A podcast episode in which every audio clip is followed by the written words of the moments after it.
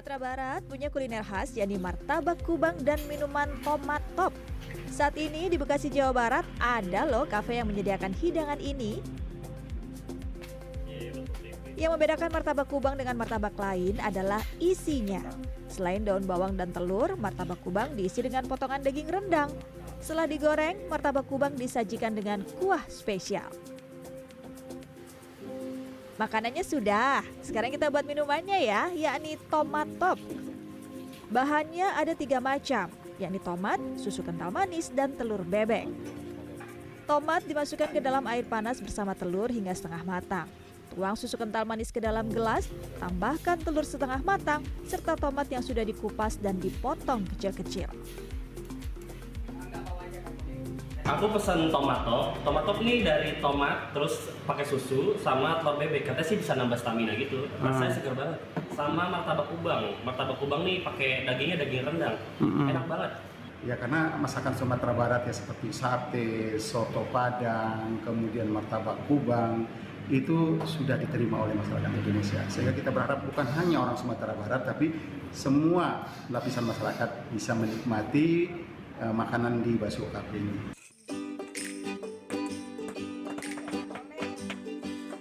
Kalau di Pidijaya Aceh ada camilan yang cukup terkenal, yakni kerupuk muling atau emping melinjo.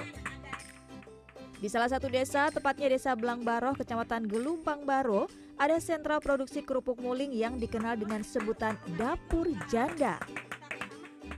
Ya, pemilik dan bekerja di sentra produksi kerupuk muling ini semuanya berstatus janda. Rosnita mempekerjakan lima tetangganya untuk memproduksi kerupuk muling di samping rumahnya. Sempat berhenti produksi dan merumahkan karyawannya lantaran pandemi COVID-19 tahun 2020 dan 2021, di pertengahan 2022 permintaan kerupuk muling kembali meningkat. Rosnita dan karyawannya pun kembali memproduksi kerupuk muling. Harga yang sempat anjlok hingga Rp40.000 per kilogram perlahan mulai naik hingga Rp60.000 untuk kualitas biasa dan Rp70.000 untuk kualitas super. Dalam sehari, dapur ini bisa menghasilkan 50 hingga 60 kg kerupuk muli. Satu bambu dapatnya 7 on. Tujuh Itu on kering. kerupuk.